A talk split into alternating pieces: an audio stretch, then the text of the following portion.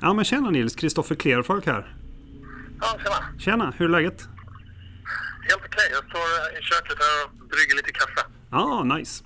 Du, jag har en fundering. Du vet, vi gör ju en sån här podcast, Örat mot rälsen, som du kanske känner till. Just det, just det. Absolut. Jag funderar på om inte vi skulle göra nästa podcast tillsammans, du och jag. Eh, vad, vad tror du om det? Ja, det låter helt okej. Ja. Det är. Eh, jag har ju några olika uppslag. Ett förslag är att vi gör om att eh, driva eget apotek. Eh, och då tillsammans med Johan Olofsson som jag tror det skulle kunna bli skitbra. Ja, det kan ju bli jätteintressant. Det tycker jag. Det kör vi på. Ja, vad kul. Nice. Du, jag gör så att jag skickar över lite tider och så ringer jag Johan. Ja, absolut. Cool. Men du, eh, lycka till med kaffet så hörs vi. Hej. Denna podcast är gjord av Co-Creation Health Group. En konsultgrupp inom management, e-hälsa och läkemedel. Hej Johan Olofsson. Hej! Jo, men vad kul att vi kunde få till det här med så kort varsel Nils, eller hur? Verkligen. Ja. Eh, Johan, kan inte du inleda med att berätta kort om din bakgrund och vad du jobbar med idag? Absolut. Eh, Jag heter då Johan Olofsson och är apotekare. Eh, Tog min examen i Uppsala 2006. Och eh, därefter så... Apoteksmarknaden såg lite annorlunda ut då. Idag så är det mycket arbetstagarens marknad och man kan söka i princip vilket jobb man vill som farmaceut och apotekare.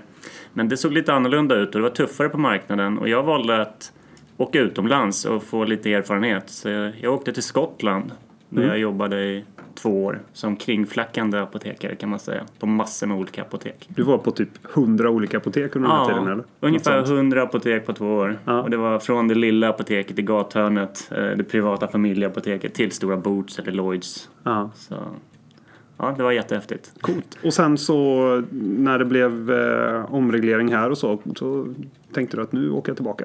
Jag tänkte ju i princip redan när jag åkte då Ja. eh, att det kommer att hända något även i Sverige för det var redan sådana diskussioner igång. Mm. Och det här var en bra chans att förbereda mig inför framtiden. Mm.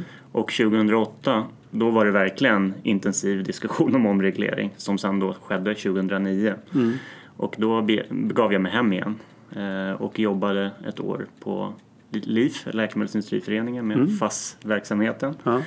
Eh, samtidigt som jag förberedde mig för att starta eget apotek. Mm. Ehm, sen så var det en hel del utmaningar som liten aktör i början. Jag vet inte om ni kommer ihåg men eh, det var mycket som skulle göras på en gång och det var ju många apotek som skulle säljas ut på en gång till olika kedjor via kluster då. Ja. Eh, och eh, stora aktörer framförallt budade på dem och även då eh, mindre aktörer inom apoteksgruppen klustret. Men jag hörde ju inte till dem. Jag ville ju starta helt eh, på egen hand med mina idéer fullt ut. Ja. Så, ehm, så jag hade vissa bekymmer, exempelvis med att få tag på IT-lösning. Eh, för självklart så, de fick ju massor med offertförfrågningar, de IT-leverantörerna och de var tvungna att prioritera i det läget eh, och även utveckla sina system för en helt ny marknad. Eh, Så det, det blev väldigt intensivt och där hamnade vi tyvärr längst bak i ledet. Ja. Vi kunde ju inte få en offert. Så vi stod och stampade med lokal och var taggade och beredda med rockarna på i princip. Men eh, eh, vi kunde inte öppna vårt apotek. Det blev till och med en DN-artikel, jag tror det var tre sidor i DN. Hur länge var det ni stod i den där limbo-situationen? Ja, det var ju ett- ungefär ett år skulle jag säga innan det löstes fullt ut eh, via en finsk aktör som kom in på marknaden och stöttade oss till slut då, som minnas. recepten, det stämmer. Och eh, idag så är det också den lösningen som absolut flest småföretagare använder. Eh, Så jag öppnade mitt apotek då under företagsnamnet Din Apotekare som kändes helt rätt eh, 2010, slutet av 2010. Och 2012 så öppnade jag mitt andra apotek eh, i Gröndal. Det första apoteket låg på Lilla Essingen, Broapoteket och det andra apoteket i Gröndal. Tidigt så insåg jag eh, och min kollega Robert Svanström som då var i företaget att eh, det här var verkligen en bransch som har stordri- st- stordriftsfördelar. Ehm, och det är inte helt lätt att vara liten aktör. Ehm, så vi, vi ansåg efter vår erfarenhet från utlandet, Robert, hade varit i Norge och jag har varit i Skottland. Att vi behövde någon form av buying group power. Och också ett nätverk för att hjälpa varandra. För man kan inte vara expert på alla frågor. Och det blev då startskottet till eh, en förening som heter SOAF där jag då har varit ordförande de senaste två åren och också representerat de eh, små egenföretagarna i Sveriges Apoteksförening. Det är så bra. Alltså Johan, du ger ju en sån målande beskrivning här att det är flera av fram, frågorna längre fram som vi redan har avverkat. Det är ju klockrent liksom. Ja. Men om vi, om vi försöker vara lite konkreta, det skulle vara intressant att få en inblick i hur en typisk arbetsdag ser ut för dig nu då. ja, Kan du berätta lite om det? Det kan ju variera väldigt mycket. Eh, kan det göra. Men min, min dag generellt, den brukar börja i badkaret. om jag ska vara helt ärlig. Eh, läsandes mail och svarandes på mail och även någon form av brainstorming om vad är det jag behöver göra under dagen. Ja. Typ så.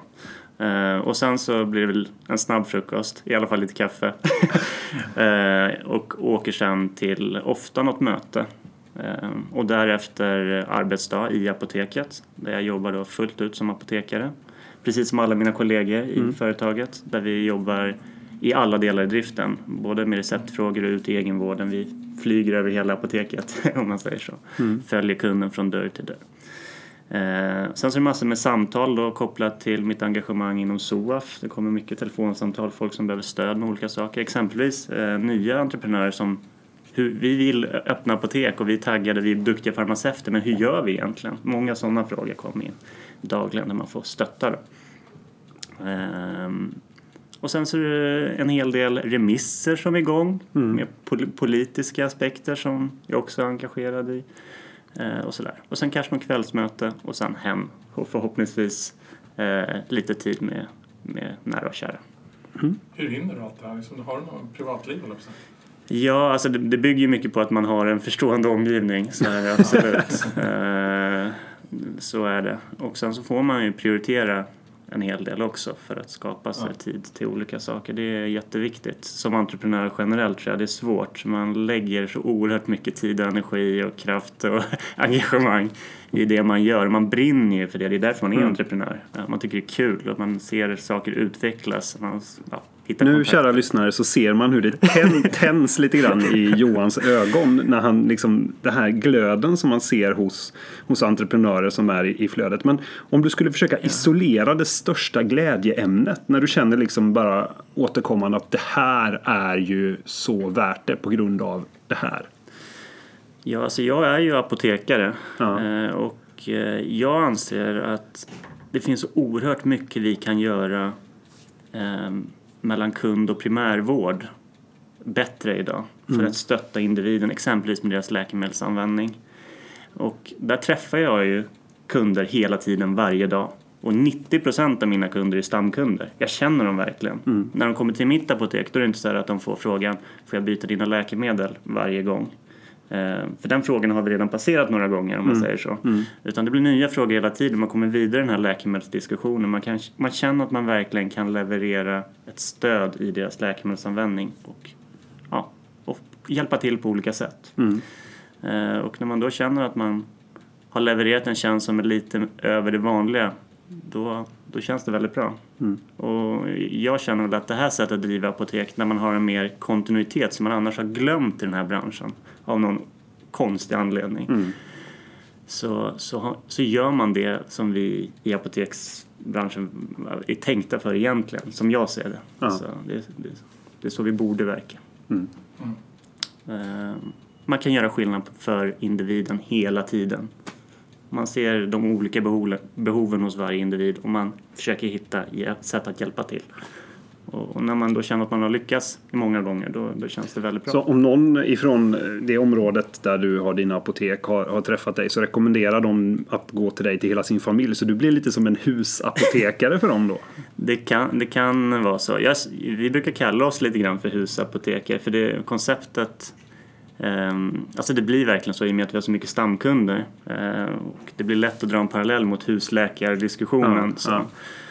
Ehm, men ja, vi, vi, har, vi, vi har haft kunder som eh, där hela familjen då har kommit till oss eh, och fått stöd hos oss med olika saker eh, med sina speciella behov. Och sen kanske de har flyttat till en annan del av stan och fortsätter att komma tillbaka till oss. Och då känner man sig verkligen som en husapotekare kan jag säga. Om, ja. Nu har du pratat om, om glädjeämnen här. Det är väldigt intressant att höra om det såklart. Men om man vänder på det och istället funderar på vad det finns för problem. Du har ju varit inne på det lite kring det här med att vara egen så att säga. Man har inte så mycket buying power och så vidare. Men Nej. i din vardag, vad är de stora utmaningarna och problemen så att säga som du ser för att få det att funka? Det blir väldigt mycket att man får prioritera eh, trots allt. Eh, när man driver ett apotek så kan man inte bara vara en duktig farmaceut utan man måste vara en duktig arbetsgivare, man måste vara en duktig Ja. verksamhetsperson liksom. Eh, det är företagsverksamhet och så, så man, man måste lägga tid på alla de här sakerna självklart. Eh, Och eh, för hela branschen just nu är den största utmaningen generellt personal. Eh, Att hitta duktiga farmaceuter. För det är trots allt, som, som vi ser det då, brist på farmaceuter. Eh, Så vi skulle gärna se ytterligare satsningar på, på utbildningar exempelvis. Det var Mm. tråkigt exempelvis att vi såg eh, den här Malmö receptarieutbildningen eh, Ja. som, som inte fortsatte. Så jag, tror, jag tror vi behöver mer satsningar på farmaceuter.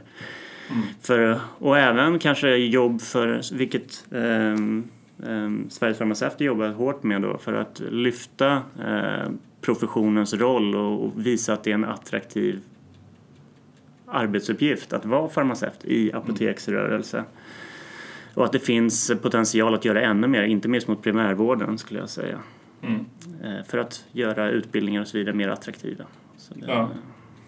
Finns det någon, alltså kopplat till de här utmaningarna som du beskriver, finns det någon eh, liksom förändring i exempelvis ja, men regelverken kring apotek som skulle underlätta väldigt mycket för dig som du ser det? Så att säga, något du liksom efterlyser från kanske den politiska nivån? Att, ja, som skulle underlätta helt enkelt i din, din vardag? Det är lite svårt att säga. Alltså jag tycker när man ser rent politiskt så måste man ju utgå från eh, ekonomiska diskussioner, hur vi Ja. använder skattemedel och så vidare och hur man får ut mesta möjliga av apoteken för patienten. Man måste Mm. utgå från patienten hela tiden. Vi är inte där för eget syfte på något sätt.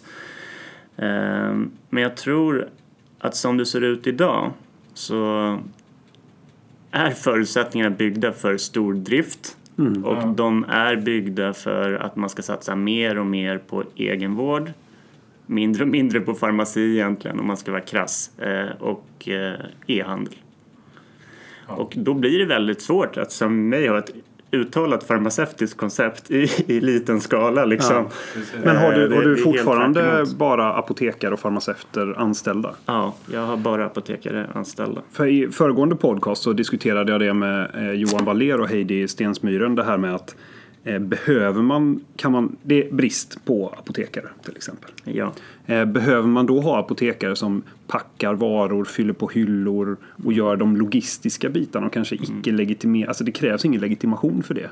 Skulle du kunna ha en superduktig person som kan rodda med det så du kan hinna träffa kunder istället för att packa varor? Eh, Jag förstår frågan. Den är också väldigt aktuell utifrån apoteksmarknadsutredningen som har pågått en lång tid. Eh, Och eh, jag tycker ett bra exempel att titta på här från mitt perspektiv det är faktiskt på Finland.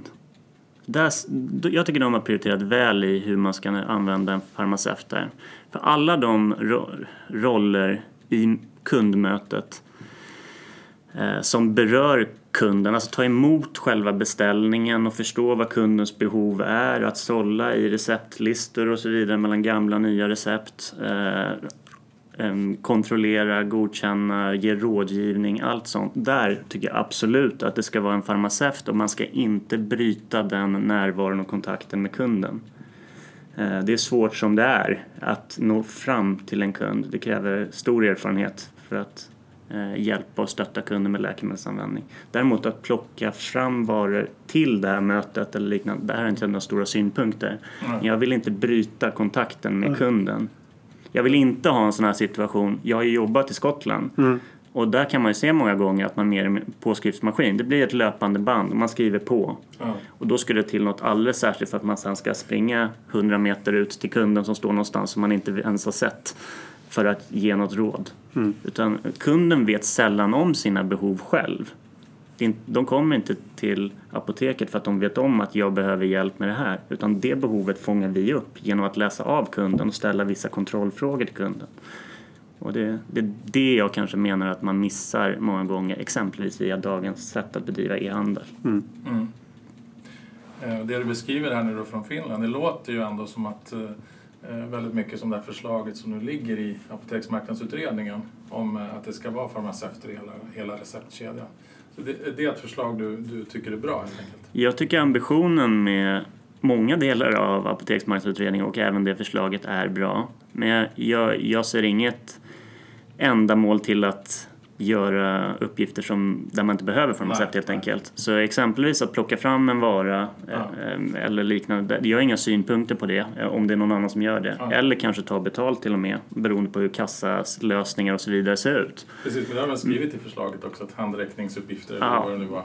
Precis. Det Det, det, det har varit lite diskussioner vad som egentligen olika saker betyder då. Men eh, det jag menar, man får inte bryta kontakten med kunden. Och man må, det här med bedömningen vad kunden behöver och eh, eh, kontrollen av att allting är okej och sen rådgivningen till kunden. Där, där ska det vara farmaceut om, om man eh, frågar mig. Men, men nästa gång du står och, och packar upp eh, varor i ditt apotek. Ja.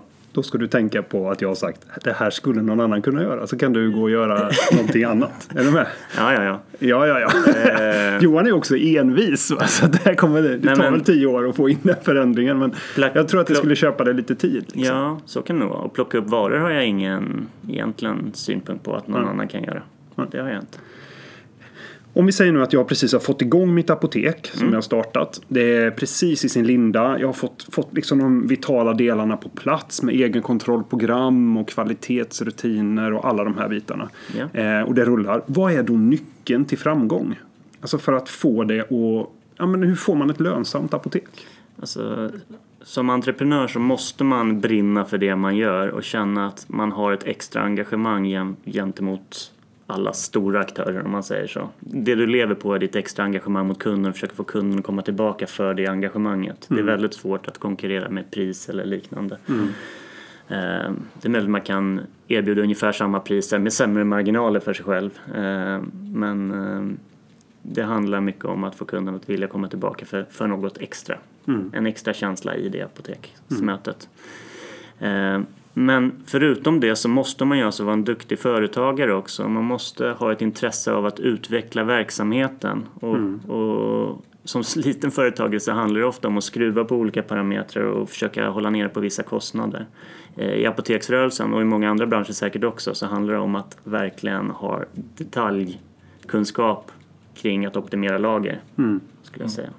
Så i mitt fall så skräddarsyr jag mina lager för mina kunder. När jag får en ny kund så stämmer jag av deras lista. Jag stämmer av att de hör till området och ämnar komma till mitt apotek. Och sen så ställer jag in parametrarna exakt utifrån vad just den kunden behöver. Så jag har inte tre för mycket av någonting eller en, en för lite av någonting. Utan jag är exakt Ja. i den mån det går. Eh, och det jobbar vi med hela tiden.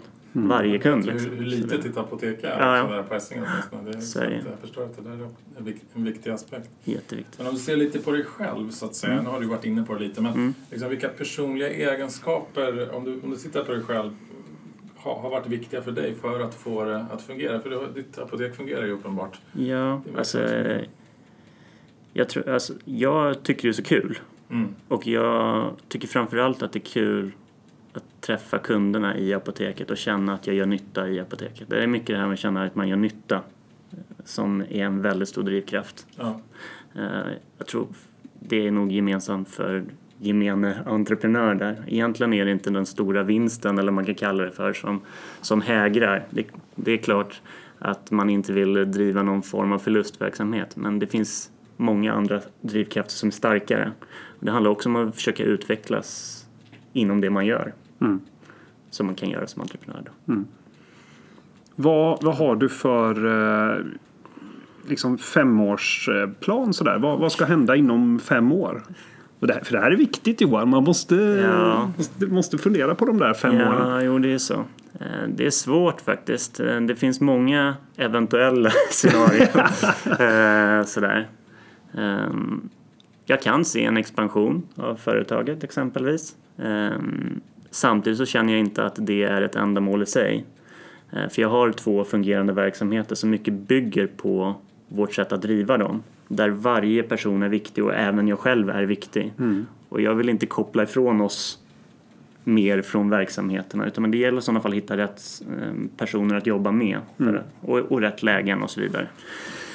Eh, sen så skulle jag väl kunna känna att jag vill ägna ännu mer tid för eh, vad kan man säga, branschfrågor i olika sammanhang. Eh, kanske lägga lite mindre egen tid i apoteken på sikt. Inte helt frånkoppla mig men, men lägga lite mer tid på på mer professionsfrågor kanske, eh, branschfrågor Verksamhetsutveckling också. och verksamhetsutveckling absolut. För jag menar om, om du har möjlighet att bara sätta dig ner, ta en kaffe och tänka lite. Precis det du gör på morgonen. Om du kan göra det efter lunch också. Kommer du med din briljanta hjärna komma på massa saker. Så kan det vara. Men Det gäller ju att bara ge sig lite, lite utrymme. Eh, kära lyssnare, ni lyssnar på eh, Örat mot rälsen. En podcast av eh, konsultgruppen Co-Creation Health Group. Och eh, Eh, idag i samarbete med Sveriges farmaceuter. Och vi är alldeles strax tillbaka. Vi ska fylla på lite kaffe här. Och eh, så ska vi fortsätta diskutera lite grann var, vart samhället är på väg i, i, i apotekshänseende. Vi är alldeles strax tillbaka.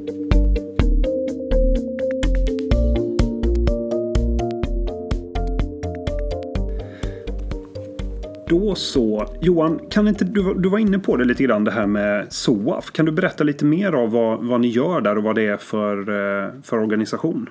Ja, eh, vi är ju då en, eh, en förening eh, som består av ungefär 40 olika apotek eh, som inte hör till någon kedja utan det är små enskilda aktörer som driver sina egna företag och sina egna apotek som ändå väljer att samverka i vissa frågor för att stötta varandra.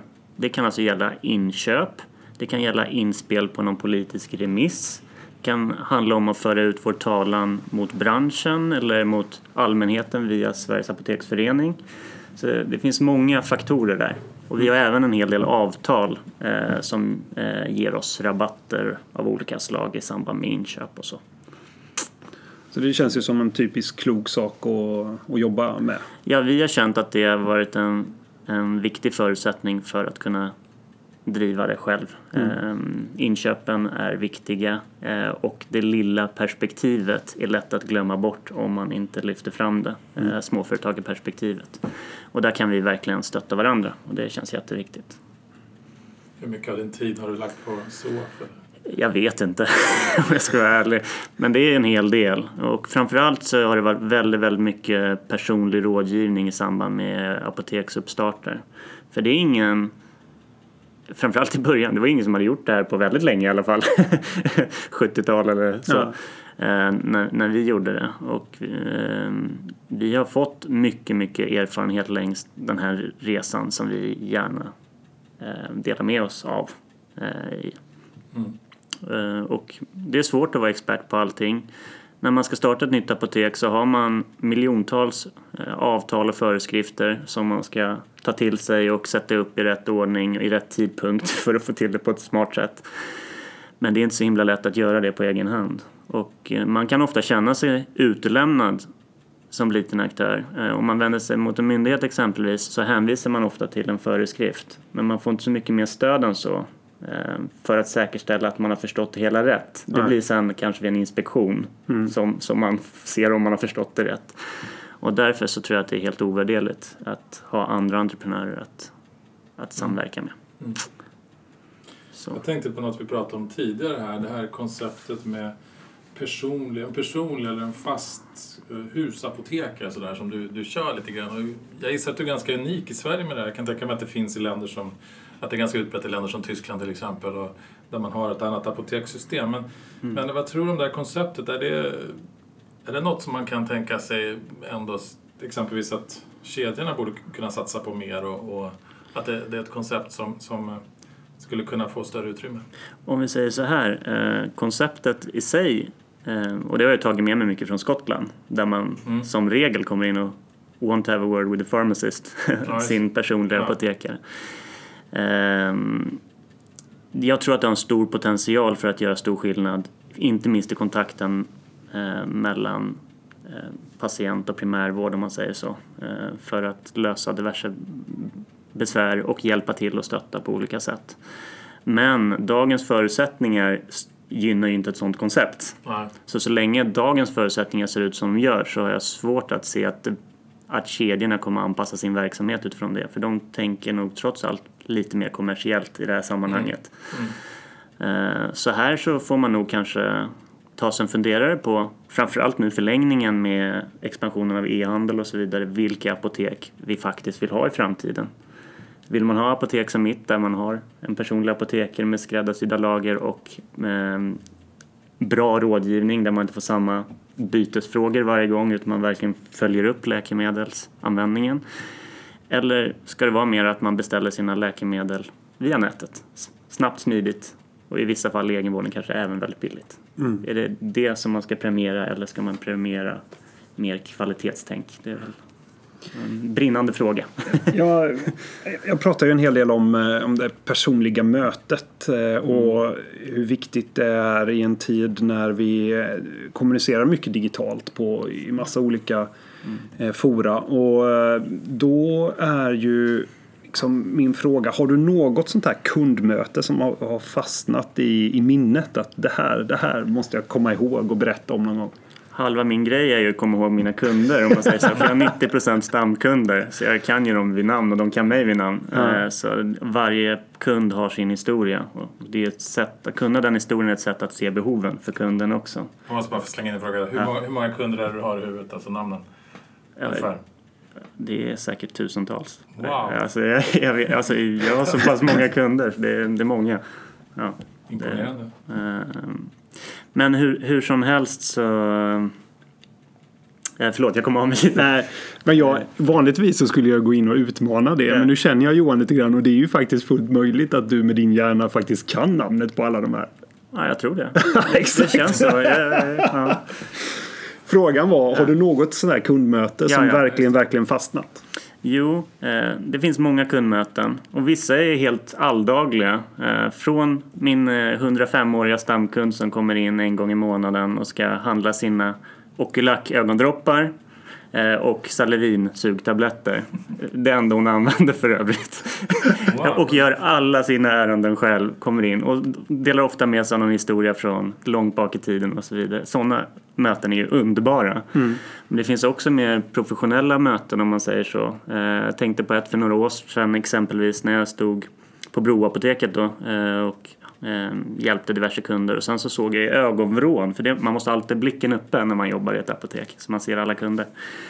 Eh, Så såg jag någon slinka in stressad, det var lunchtid eh, och eh, begav sig bort mot vår sårvårdshylla. Började spana lite. Jag fortsatte med min kund, eh, avslutade det. Men begav mig sen ut i apoteket. Vi jobbar ju hela apoteket i våra apotek. Eh, och började ställa lite frågor. Och det visade sig då eh, att den här kunden var ute efter någon form av sårrengöring. Eh, följdfrågorna kom och den här kunden hade då ett sår nere vid foten, vristen på något sätt. Det visade sig också att det varade när jag hade ställt en fråga. Då.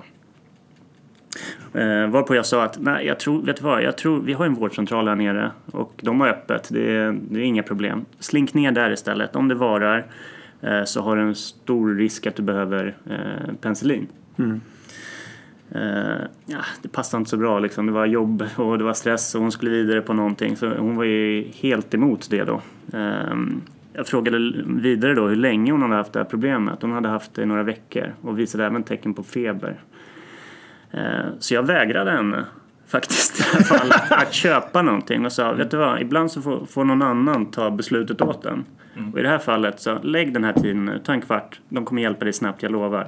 I värsta fall kan jag hjälpa och ringa ner om det skulle vara så. Ta dig ner till vårdcentralen. Eh, se till att du får antibiotika, för det kommer du få. Och då kommer du kunna lägga mycket mer tid sen på ditt jobb när du blir frisk snabbare. Eh, sen så tänkte jag inte så mycket mer på det där. Utan jag jobbade vidare med mina kunder och dagarna efter så jobbade jag lite här och lite där mellan apoteken. Sen så tydligen en vecka senare så hade hon gått in på Broapotek när jag inte var där. Förlåt, det var flera veckor senare. Eh, Men, eh, och då, då så hade hon sagt det att jag vill bara komma in för att tacka.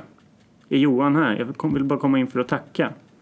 Och då visade det sig då att hon hade gått ner på vårdcentralen och på ett eller annat sätt blivit remitterad eller intagen på sjukhus.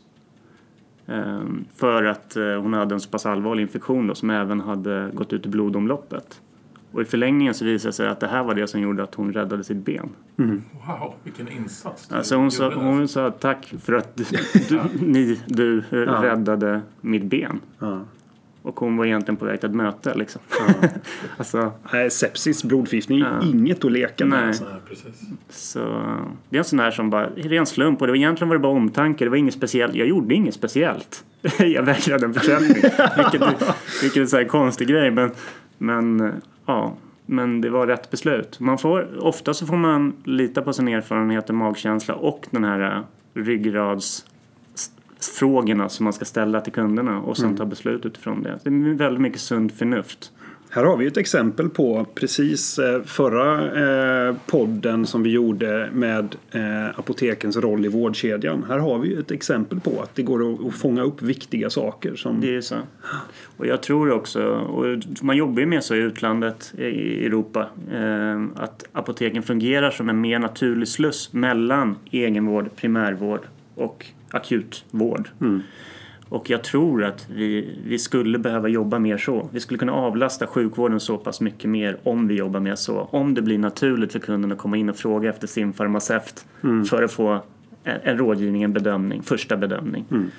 Men nu så är det i princip så här, nej, vi har 1177 och det, det, det, ja, det är vi nöjda med fullt ut. Och jag säger, det är jättebra det med.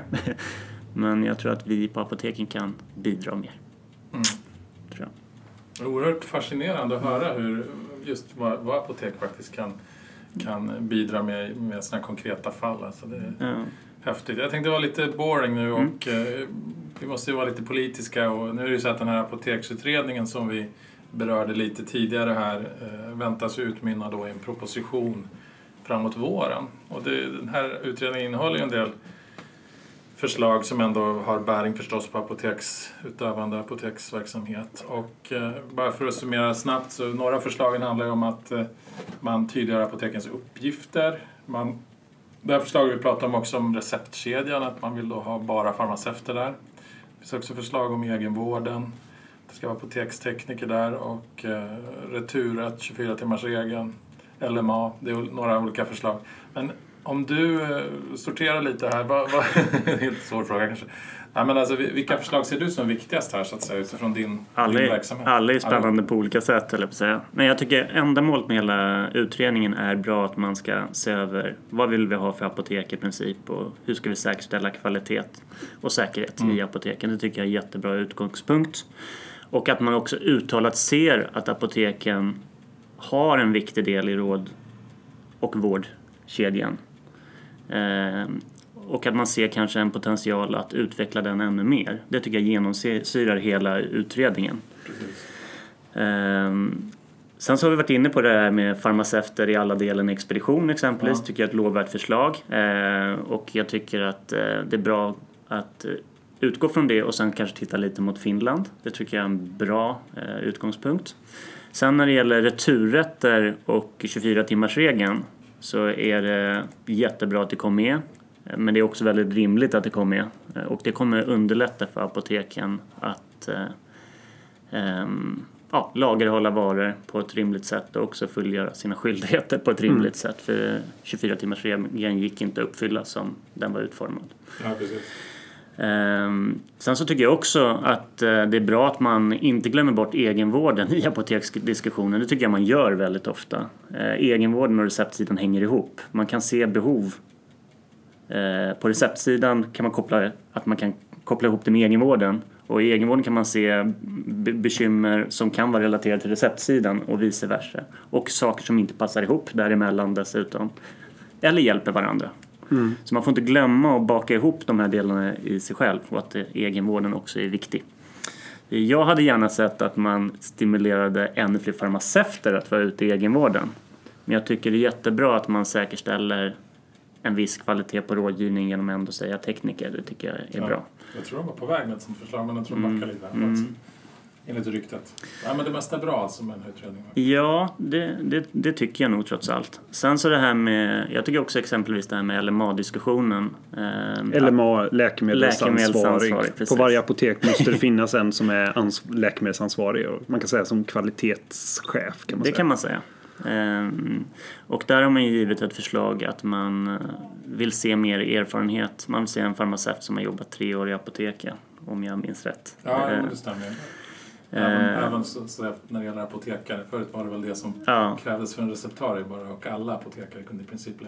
Precis. Eh, och det tycker jag är en lovvärd ambition. Men jag, den tror jag kanske inte är så realistisk idag.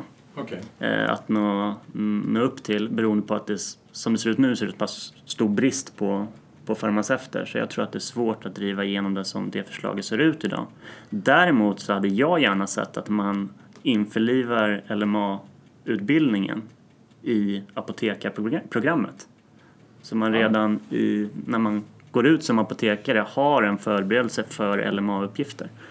Hade jag gärna sett. Inte minst med tanke på hur många då som kommer ut från programmet och, och, och hamnar på apoteksmarknaden där LMA-uppgiften är en av de tydligaste rollerna. Och det ger en övergripande jättebra kunskap om apotek. Mm. Så, ja. En liten ping till eh, utbildningarna där, absolut.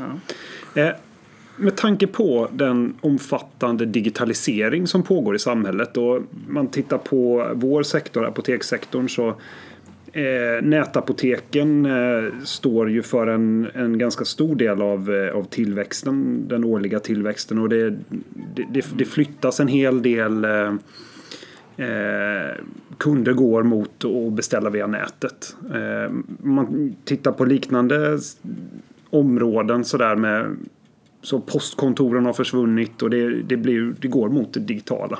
Vad, kommer vi behöva fysiska apotek framgent? Eller kommer vi gå mot att eh, allt det där kan skötas på distans? Mm. självklart kommer vi behöva fysiska apotek och eh, mö- fysiska möten. Alltså det här med mötet mellan personer är väldigt svårt att ersätta på annat sätt, tror jag. Eh, men eh, behov är en sak och förutsättningar är lite grann en annan sak. Jag tror att marknaden kommer nog eh, anpassa sig väldigt mycket utifrån vilka förutsättningar som finns att driva apoteksverksamhet. Så vi kommer ju fortsätta i den här riktningen, tyvärr, från mitt perspektiv tror jag, om man inte bestämmer sig för något annat från politiskt perspektiv. Med, skulle- mer, med mer e-handel och... eh, Men i din tioårsplan eller femårsplan, Ja. ligger det inte att, att öppna ett distansapotek där alla dina stamkunder kan varannan gång handla via, via distans och få upp dig på, på länk och säga hej Johan, tja. Och sen så... dig, dig. Du skulle kunna nå en större krets och du skulle kunna få... Det skulle kunna vara så, men mitt koncept ser inte riktigt... Vi har distanshandel redan idag i mitt koncept. Dels så har man en app där man kan beställa sina grejer och även kommunicera med oss fram och tillbaka om beställningar så att det är klart när man kommer. Och man kan även få det hem till sig via oss. Men det är till närområdet. Då springer vi hem till köksbordet och ger rådgivning på köksbordet av en personlig apotekare. Det är svårslaget. Ja. till gamla Anna eller vad det nu är, 83 år som har svårt att ta sig till Ja. apoteket. Det är en bra service. ja. Så den distanshandeln gillar jag. Den distanshandeln. Springavstånd. Men det blir, är ändå, ändå inte ofrånkomligt? Vi ser ju på Apotea och nu kommer nya på, aktörer på väg in i den sektorn också här.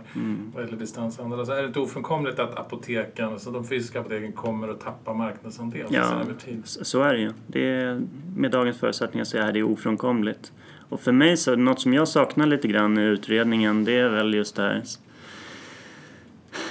synen på vad man levererar som kvalitet till viss del. Och där man jämställer, jag, jag tycker det är jätteviktigt och, och det, det nämner man ju lite grann, att det ska vara samma krav på alla apotek. Det ska vara samma krav på ett näthandelsapotek som på ett fysiskt apotek. Men för mig så är kvaliteten i tjänsten helt olika idag mellan näthandeln och det fysiska apoteket. För på näthandeln där för, förutsätter man att kunden själv vet om sina behov fullt ut.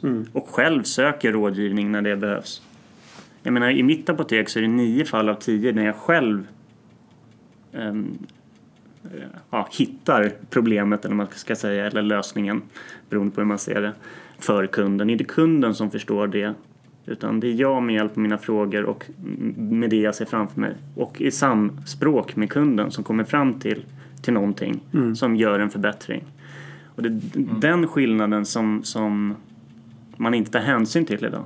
Så för mig så skulle en expedition av receptläkemedel exempelvis i, i e-handeln det, det, det är en grej, men en expedition i ett fysiskt apotek det är en helt annan grej. Och då kan man ju diskutera hur ska man fördela en handelsmarginal exempelvis. Det skulle man kunna göra. Det skulle kunna vara en skillnad däremellan. Ja. Men kan du inte, om jag ska vara lite provocerande, Mm. kan du inte liksom ändå ställa samma frågor via länk så att säga till den här? Om du får ett möte fast i en digital kanal. Jag tror att det går att utveckla det där ännu mer. Men idag så blir det ju helt på kundens initiativ. Jag behöver rådgivning, klick. Ja, just det. det. Förstår du vad jag menar? Ja, det blir inte jag som ställer kontrollfrågorna på det sättet. Sen så självklart så du finns kan det... ju no- också styra det. Så att om du handlar av mig då kommer du behöva prata med mig i eh, Ja. en kort. Ja. Alltså, Kan.